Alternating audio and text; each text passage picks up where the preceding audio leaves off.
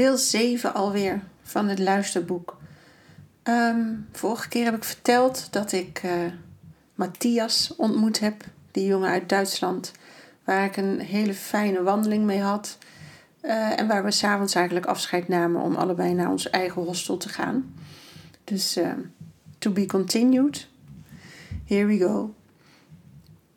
4 mei 2013. Los Arcos. Los Arcos is een hele oude pelgrimsplaats. Met maar 1300 inwoners zou je kunnen denken dat de moderne pelgrim er liever niet vertoeft. Niet echt veel opties in eten, drinken en vertier. Maar niets is minder waar. Dit dorpje is levendiger dan sommige steden in Nederland. Zojuist ben ik in de kerk geweest. Holy moly macaroni. Je zou er bijna katholiek van worden. Bijna, hè, bijna. Maar mooi ik stond letterlijk stil toen ik over de drempel stapte.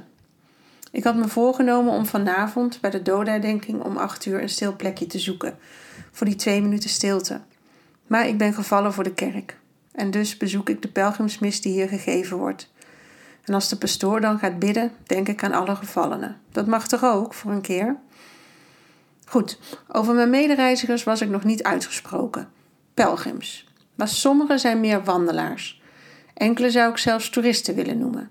Met een tas vers uit het folie, het prijskaartje nog aan de broek en de schoenen spik en span. Bianchi wordt een zul je denken. Maar deze mensen lopen met een blikje bier in de hand de hele dag. Echt. Het heeft niet heel veel meer met pelgrimage te maken. En ik weet heus wel dat echte pelgrims mij ook maar een sissie vinden met mijn één week per jaar. Al moet ik zeggen dat nog niemand tot nu toe zo gereageerd heeft. Ze vinden het allemaal vooral heel knap om dit te doen met twee van die kleine ukken thuis. Maar die bierdrinkende langslopers, die zijn in mijn ogen niet echt bezig met een hoger doel. Behalve gezellig en goedkoop dronken worden. Sorry, dat was even een kritische noot. Misschien ligt het ook aan deze week, met heel veel wandelclubjes en anderen die alleen maar voor een weekje lopen zonder dat einddoel op de horizon. Tomorrow we take the bus and you can join us if you want. Het maakt ze niet uit of ze lopen of met de bus gaan. Um, ze hebben geen bedoeling met deze reis. En misschien is dat wel wat me stoort. Ik weet het niet. Ik kan het niet eens over mijn hart verkrijgen om een stukje met de bus te gaan. Het gaat er niet om om ergens snel te zijn. Het gaat om die reis, om het meemaken, beleven. En nu reis ik even naar het terras. Op verzoek van Flavio uit Italië, die erop stond dat ik zijn naam zou kennen en een biertje meedronk. Nou, daar heb ik niet vaak nee op gezegd. Even overwogen nu, maar ach, hij heeft vast ook hele leuke kanten, dus we gaan het ontdekken. Flavio die blijkt toch meer diepgang te hebben dan ik in eerste instantie dacht. Al is het opmerkelijk dat hij vooral de dames aan zijn tafel uitnodigt. En ik vind het heel grappig om te zien hoeveel moeite hij heeft met het feit dat ik hem een biertje aanbied. Dat kan dus echt niet in Italië. Hij bijt letterlijk op zijn tong. En zelfs nadat ik al lang betaald heb, wil hij me terugbetalen. I'm an Italian boy, Man, man, man. Echt niet normaal. Hij is een jaar of 50, denk ik. Maar ja, toch wel echt een stuk ouder dan dat ik ben. Dus ik zei: I'm a Dutch girl who pays for her own drinks. En toen stond hij stil. Of toen was hij stil. Even verderop denk ik dat ik Matthias zie zitten. Maar dat valt niet mee zonder zijn jas en een rugzak en hoed. Als iemand weer opgefrist is na de douche, zie je er vaak echt heel anders uit dan wanneer je elkaar ontmoet op het pad.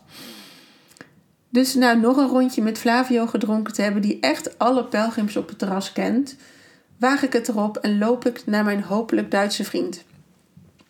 Ik had het gelukkig goed gezien, dus ik stap over een barrière heen en vraag of hij zin heeft om samen wat te eten.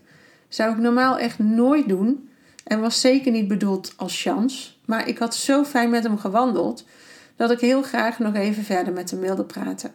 Hij gelukkig ook. Dus samen gingen we op zoek naar voer. Hamburgers zouden het worden. Maar volgens de temperamentvolle Spaanse dame konden we pas na zeven uur bestellen. Best. Dan uh, dos cervezas, por favor.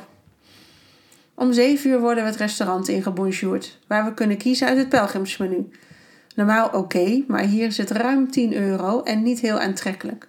En bovendien, wij wilden hamburgers. Dus we liepen weg van de tafel.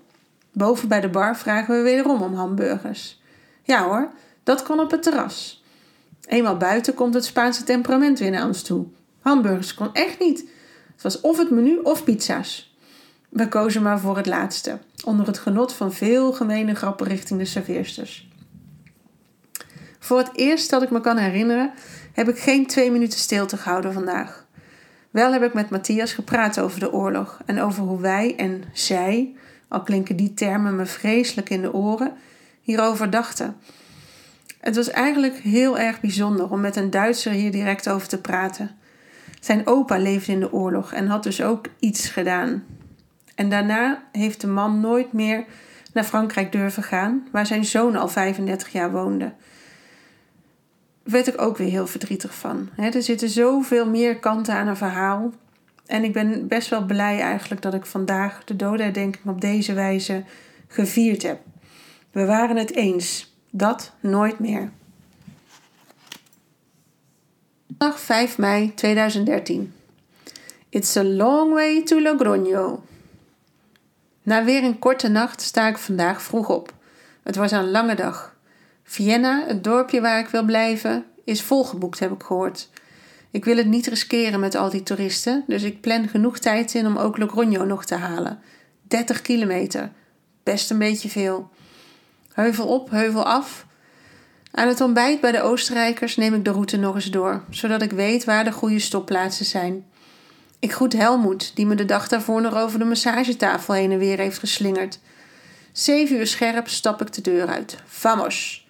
Ik loop los Arcos af, uit en ik voel de merdigan meteen branden. Goed, die spieren komen dus los. Het gaat lekker. En na een goed uur kom ik al in het volgende dorp. Ik zet mezelf in het ochtendzonnetje en ik smul mijn appeltje op. Eh, Bianca! Hoor ik uit te vechten. Aan de Italiaanse tongval te horen moet dat Flavio zijn. Oh, dan zal hij vast iets gezegd hebben als Bianca. Hmm, met mijn beste glimlach wens ik hem goedemorgen en ga over tot de orde van de dag. Hij snapt de hint en hij vervolgt zijn eigen pad.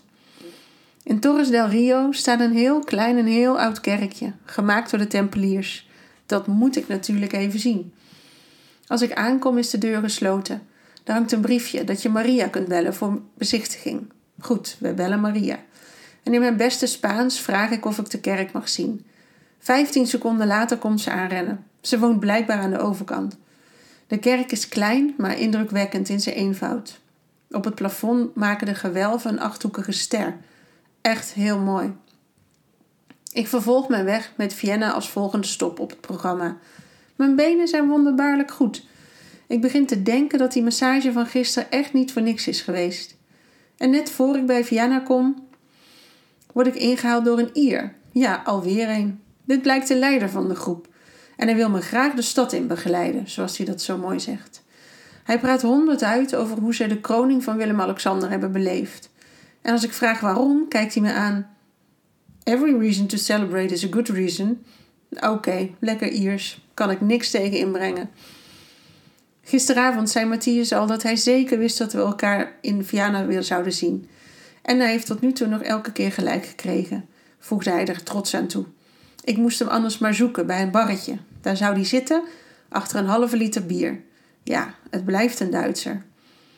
Als ik aankom in het dorpje zie ik niemand. Ja, maar dan, ik bestel maar wat pinchos voor de lunch en ik strijk neer op het terras. En net als ik weer op wil staan, komt inderdaad Matthias aanlopen. Dat vind ik dan toch wel weer grappig. Terwijl hij gaat lunchen, bezoek ik de kerk, een beauty. Matthias heeft een hekel aan kerken. Dus op hem wachten heeft geen zin. Als ik weer buiten sta, is zijn lunch op en lopen we samen het laatste stuk van de etappe. Ben blij dat ik even niet meer alleen loop. Zeker dit laatste stuk. Er liggen al 20 kilometer achter ons, maar die laatste 10 zijn nooit mijn favoriet. Het landschap wordt ook langzaam weer wat minder interessant nu we richting stad trekken. Net voor de stad ben ik echt even op. En gelukkig zit daar de dochter van Felicia. Bekend, berucht misschien. Ze zit echt net buiten de stad voor haar huis stempels uit te delen voor in je paspoort. Heel schattig kraampje, super schattige vrouw. Na de stempel vragen we om wat drinken en we gaan op een bankje tegenover het huis zitten. Er komen al snel meer pelgrims langs. Niet allemaal stempelen ze bij haar, snap ik niet. Zo'n lief vrouwtje en zo bekend uit alle Camino-gidsen. Maar goed, ik heb haar stempel. We hebben weer mooie gesprekken vandaag. over hoe we mensen lezen, observeren, soms te snel een mening vormen, maar altijd open blijven staan om deze aan te passen. We bespreken de mensen die we onderweg hebben ontmoet, bijzondere verhalen. Niemand loopt hier zonder een mooi verhaal. Misschien ben ik wel de saaiste van allemaal. Ik ga later de verhalen beschrijven die ik allemaal heb gehoord. In Logroño besluiten we voor iets meer luxe te gaan. Even geen snurkers om ons heen. Voor 15 euro, jawel, zit ik in een heerlijke hotelkamer. Met handdoek, shampoo, alles wat je maar wil. En na een paar dagen herberg ben je echt snel tevreden hoor. En na een goddelijke douche gaan we de stad in. IJsje in de zon en nu cervezas op het terras. Dadelijk nog wat tapas en ik voel me bijna toerist in plaats van pelgrim. Dat komt morgen weer. Buen camino. Maandag 6 mei 2013. Limburgse gezelligheid. Het is donker. Ik word gebroken wakker en ik heb het idee dat ik deze nacht zelf enorm heb leren snurken. Enorme dromen over allerlei mensen die mijn kamer binnenlopen en dan doorlopen naar de badkamer. En onderweg doen ze allemaal een mededeling. Wat een raar t-shirt ik aan heb. Dat iemand van mijn werk heel erg ziek is en meer van dat. Geen idee wat het betekent. Iets wat gebroken sta ik op en ga aan de slag met mijn ochtendritueel. In de vroegte die past bij een stad ga ik weg. Wel leuk, zo'n mooie grote winkelstraat. Alleen er zijn geen tekens te herkennen hier. Ik zie meer rugzakken op straat, dus ik ga even dralen in de wetenschap dat er een, snel een teken zal kunnen komen. En inderdaad, er komt snel een vrouw naar me toe en die vertelt dat de Camino via een parallelweg loopt. Eenmaal daar stralen gelukkig de gele palen je weer tegemoet. Palen, pijlen. Wel goed doorlijven lezen, Bianca.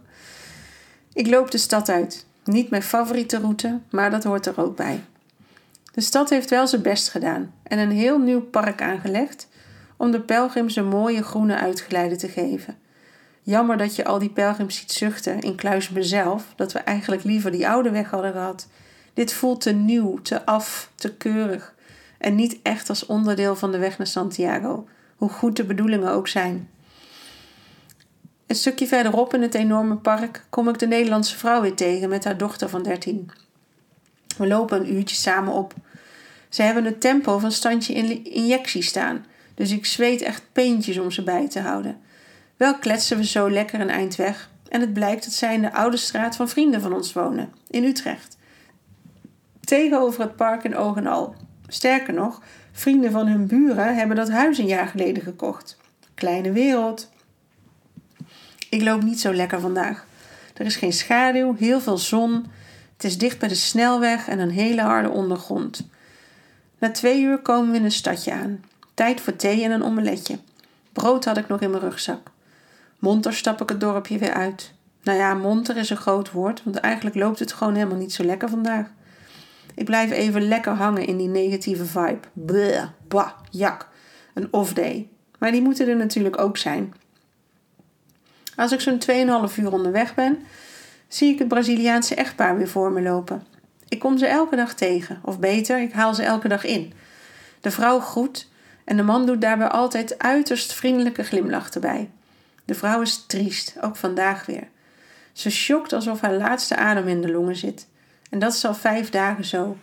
Ze draagt ook enorm warme regenkleding. Maar als ik haar vraag of ze het niet te warm heeft, dan wil ze er niks van weten. Ze schokt en ze puft en ze oogt zwaar. En hangt een knuffel aan haar rugzak. Ik maak er mijn eigen verhaal van en ik denk dat ze deze tocht echt als een soort boetedoening ziet. En dat het daarom voor haar zo zwaar is. Misschien doet ze het voor haar kind, ik weet het niet, maar het maakt me wel verdrietig, want het verhaal kan nooit mooi zijn. In het volgende dorp besluit ik niet verder te gaan. Het is mooi geweest in die hitte van vandaag. Net als ik wil afslaan naar de alberge, hoor ik Matthias achter me. Zo grappig hoe de dingen hier gebeuren. We gaan samen naar de herberg. Hij heeft net zo'n baaldag als ik en we installeren ons.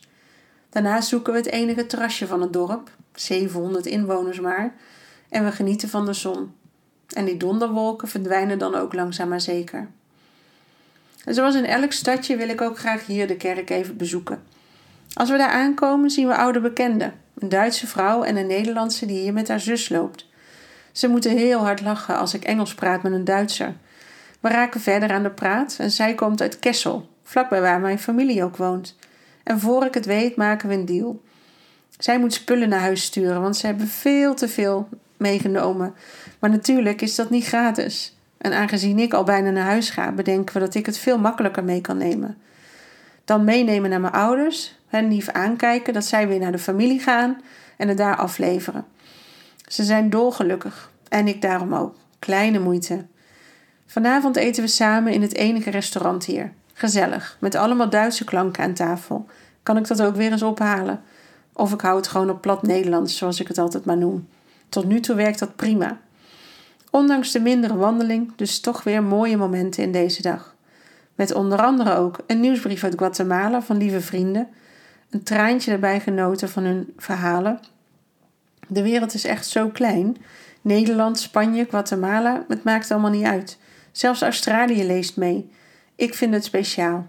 Liefde en vriendschap kent echt geen grenzen. Gelukkig maar. Dinsdag 7 mei 2013. Wie is wie? Het is bijna onmogelijk om de mensen die je hier ontmoet niet in je hart te sluiten. De Braziliaanse vrouw met haar man, waarover ik gisteren vertelde, heb ik vandaag niet meer gezien. Ik hoop echt dat de weg ze verlichting gaat brengen. Ze hebben het verdiend. De Ierse Mary en haar mom en daddy, die ik nooit heb ontmoet, maar waar ik het trieste verhaal van heb gehoord. Moeder die het zwaar heeft met de 16-jarige Mary. En ze is inderdaad een pittige tante met haar woordje meer dan klaar. Maar je ziet ook die onzekerheid bij het meisje. En bij navraag over haar vader ook het verdriet, al probeert ze dat heel stoer weg te wuiven. En mam, die het moeilijk heeft met zo'n pittige dochter, omdat ze eigenlijk altijd het onderspit delft. Ze kreeg het verwijt van haar dochter dat ze zich als een kip zonder kop gedroeg toen ze weggingen richting Spanje. Ik kon me dat bij deze rustige vrouw niet voorstellen, dus ik vroeg haar waarom. Daddy had drie weken geleden de diagnose Alzheimer gekregen en was al best hard achteruit gegaan. Niet gek hè, dat je zenuwachtig wordt over het weggaan na het horen van dit nieuws. En in die eerste weken eindelijk de zorg een beetje op orde hebt. Ik vond mam een hele sterke vrouw en heb haar dat ook verteld. Hopelijk gaat ze dat ook zelf voelen tijdens haar weg. En dan de Nederlandse vrouw met haar dochter. Met haar 13 jaar denk ik wel de jongste pelgrim die ik heb ontmoet hier. Dapper, timide meisje, nog gewoon in de brugklas. Weet uiteraard nog niet zo goed waarom ze hier is. En wordt ook regelmatig overrompeld door haar hele krachtige moeder. Ik wens ze een mooie ervaring toe samen. En de zussen Miets en Annie uit Limburg. Twee lieve vrouwen die hier zonder hun mannen hun eigen avontuur tegemoet gaan. Ik werd geraakt door hun enorme dankbaarheid voor dat kleine gebaar als hun te veel aan bagage mee naar Nederland te nemen. Ik zal ze niet vergeten. En dan die Duitse Brigitta, schat van een moeder, te lief zelfs, laat haar 27-jarige zoon met alle liefde thuis wonen, zonder dat hij maar één vinger hoeft uit te steken. Ze smeert zijn boterhammen, ze maakt zijn bed op, ze ruimt zijn kamer op. Alles, alles, alles doet ze voor hem. Tot de dag dat hij het huis uitgaat, zal ze dat blijven doen, vertelt ze met tranen in haar ogen. En haar dochter, die inmiddels vijf jaar zelfmoeder is, leunt volledig op haar. Komt nog elke dag naar huis. Haalt de jongen uit school. Ze geeft hem eten, ze leest hem voor. Haar dochter hoeft alleen nog maar de zoon in bed te stoppen. Ik ben wel blij dat Brigitte heeft ingezien dat deze verhoudingen niet helemaal in evenwicht zijn. Ze is ook hier naartoe gekomen om vooral haar dochter sterker te laten zijn. Door niet meer elke dag op haar moeder te kunnen leunen, hoopt ze dat haar dochter zelf een sterke vrouw en moeder zal worden. Zal zijn. Maar het kost veel moeite. Ze heeft tranen in haar ogen. Ze geeft haar een dikke, dikke knuffel en verzeker haar dat dit een goede beslissing is voor haar. Vogels moeten uitvliegen. En dan is er nog Jozef uit Korea, die alles, maar dan ook alles op foto vastlegt. Peter uit Slovenië, die soms meer dan 40 kilometer per dag moet maken om zijn doel te halen. Lauren uit Australië, die zo hinkt met de knie dat het pijn doet als je er naar kijkt. En de Ierse leader of de wandelclub. I would like to walk with you into town, if that's okay. En zijn muze Trish. Oh, you're the lovely Dutch girl with the two little boys. En dat beide in plat Iers, maar dat kan ik natuurlijk niet. Flavio, die charmeur uit Italië, die me steeds de Dutch Flying Woman noemt als die me weer inhaalde. En ik vergeet vast nog heel veel mensen die me allemaal een inkijkje hebben gegeven in hun leven en in hun ziel. En die mij ook weer verder hebben geholpen bij mijn reis. En als laatste Matthias, die ik eigenlijk wel als eerste had mogen noemen. We hebben gelachen, veel gepraat over niks en over van alles. We hebben zwijgend naast elkaar gelopen in de wetenschap dat het goed was. We hebben in stilte op het terras gezeten, omdat het samen toch gezelliger was. Hij was een broer en een goede vriend. Een mooi persoon die deze week echt kleur heeft gegeven, zoals de vorige keer Laurence en Maxime dat deden. Hij vertelde me gisteren dat hij nog nooit zo'n diepgang heeft gekend als deze week. Ik vind hem juist heel erg praktisch. We hebben goede gesprekken gehad over zijn broer die 18 jaar geleden overleed, over de Tweede Wereldoorlog en wat het betekent voor Nederland en voor Duitsland, over Harry Potter, over het goede en slechte van kerken, hoe ik ze prachtig vind van binnen met alle poespas en hij ze verafschuwt, omdat het geld ervoor vaak van arme mensen afkomstig was. Veel verschillen van mening, maar altijd respect voor anders overtuiging. En niemand hoeft ze gelijk te halen. Al die mooie mensen hier en al die hen nog gaan volgen, die wens ik echt een buen buen camino. Mijn vlucht kon ik gelukkig verzetten naar de middag, dus ik was tegen pyjama-tijd weer heerlijk op het honk. Drie stralende koppies en veel knuffels en kussen. Ik geniet nog even na. Woensdag 29 mei 2013. Wordt vervolgd. Ik ben inmiddels drie weken thuis. De indrukken vinden langzaam een plekje. De verhalen zijn verteld en ze blijven verteld worden. En ook de lessen drijven langzaam naar de oppervlakte. Dit weekend moest ik heel veel denken aan al die bikkels die de tocht voortzetten toen ik afscheid nam. Hoe zou het nou zijn met Matthias? En hoe gaat het met die lieve zussen Miets en Annie? En met onze Duitse ubermoeder? Of die charmeur Flavio? Ze hebben stuk voor stuk lessen in mijn rugzak gestopt, waardoor mijn bagage niet zwaarder, maar juist lichter is geworden. Gisteren kreeg ik bericht dat Matthias is gearriveerd in Santiago. Holy moly! Een kleine 600 kilometer in 21 dagen. Ik maak in gedachten een diepe buiging. Wat een gek idee. Terwijl ik inmiddels alweer op de camping ben geweest, aan het werk, naar school, uit eten en meer dagelijkse dingen, zijn daar mensen elke dag een prestatie aan het neerzetten. Niet zozeer de kilometers die ze dagelijks overbruggen, maar ze gaan elke dag het gesprek met zichzelf aan. En daar heb je lef voor nodig. Maar wat zullen ze rijk terugkeren naar huis? Jij zelf bent namelijk zo slecht nog niet. Sterker nog, eigenlijk ben je gewoon een hartstikke leuk mens. Makkelijk ook, want je hebt niet veel nodig. En sociaal, want je maakt veel contact. De ene keer een beetje praatje klets en de andere keer mooie filosofische gesprekken. Of humor om te lachen, ook niet onbelangrijk. Je ziet in de spiegel een leuker mens, dichter bij zichzelf, mooier daardoor.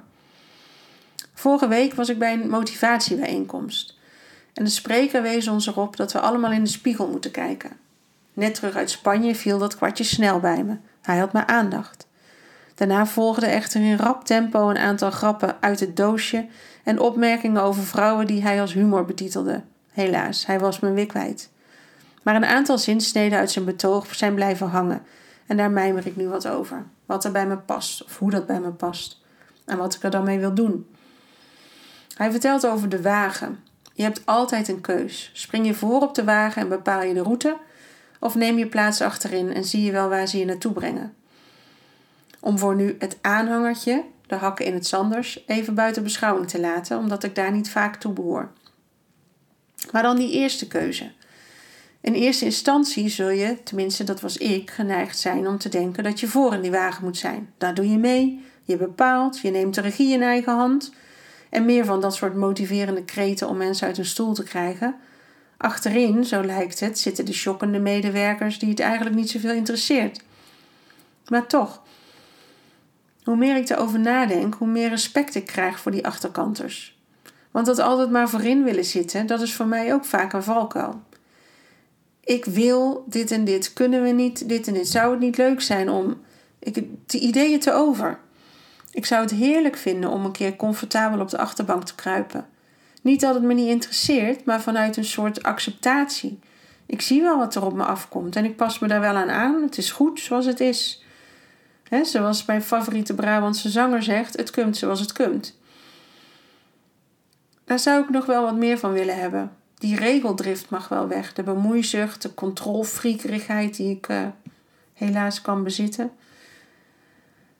Want zo zou je mensen voorin ook kunnen noemen. Hè? En ik spreek echt uit ervaring hoor, over mezelf. Dus ik ga binnenkort iets spannends doen. Ik ga achter in de bus zitten. Ik hoop echt dat het me lukt. Het zit zo niet in me, maar ik wil ervaren wat dat met me doet. Ik ben er nog niet uit wanneer of waar ik dat ga doen, maar ik ga het wel bewust maken binnenkort. En ik ga mijn best doen om dan stiekem niet naar voren te schreeuwen of we toch niet wat harder kunnen. Het komt zoals het komt, het gaat zoals het gaat. C'est. Zijn in het zijn. Geef het beestje maar een naam. Heeft dan die ene Fries met zijn slechte vrouwengrappen dan zo toch indruk op me gemaakt? Nee, maar zijn metafoor kwam echt op het juiste moment. Mijn bedenksels en ontmoetingen op de Camino hebben dit echt in werking gezet en hij heeft er een concreet beeld bij geleverd. En daarvoor ben ik hem zeker dankbaar, net als de mensen die ik heb gesproken in Spanje. Allemaal zaadjes die geplant zijn en ontkiemen, de ene sneller of langzamer dan de ander, in hun eigen tempo, omdat het het goede moment tot bloei zal komen. Dat vertrouwen heb ik inmiddels wel gevonden. Ik mag nog wat oude gewoontes en overtuigingen daarvoor van me afschudden, maar ook dat gaat zijn plek vinden. Zie je, ik ben al een beetje op weg.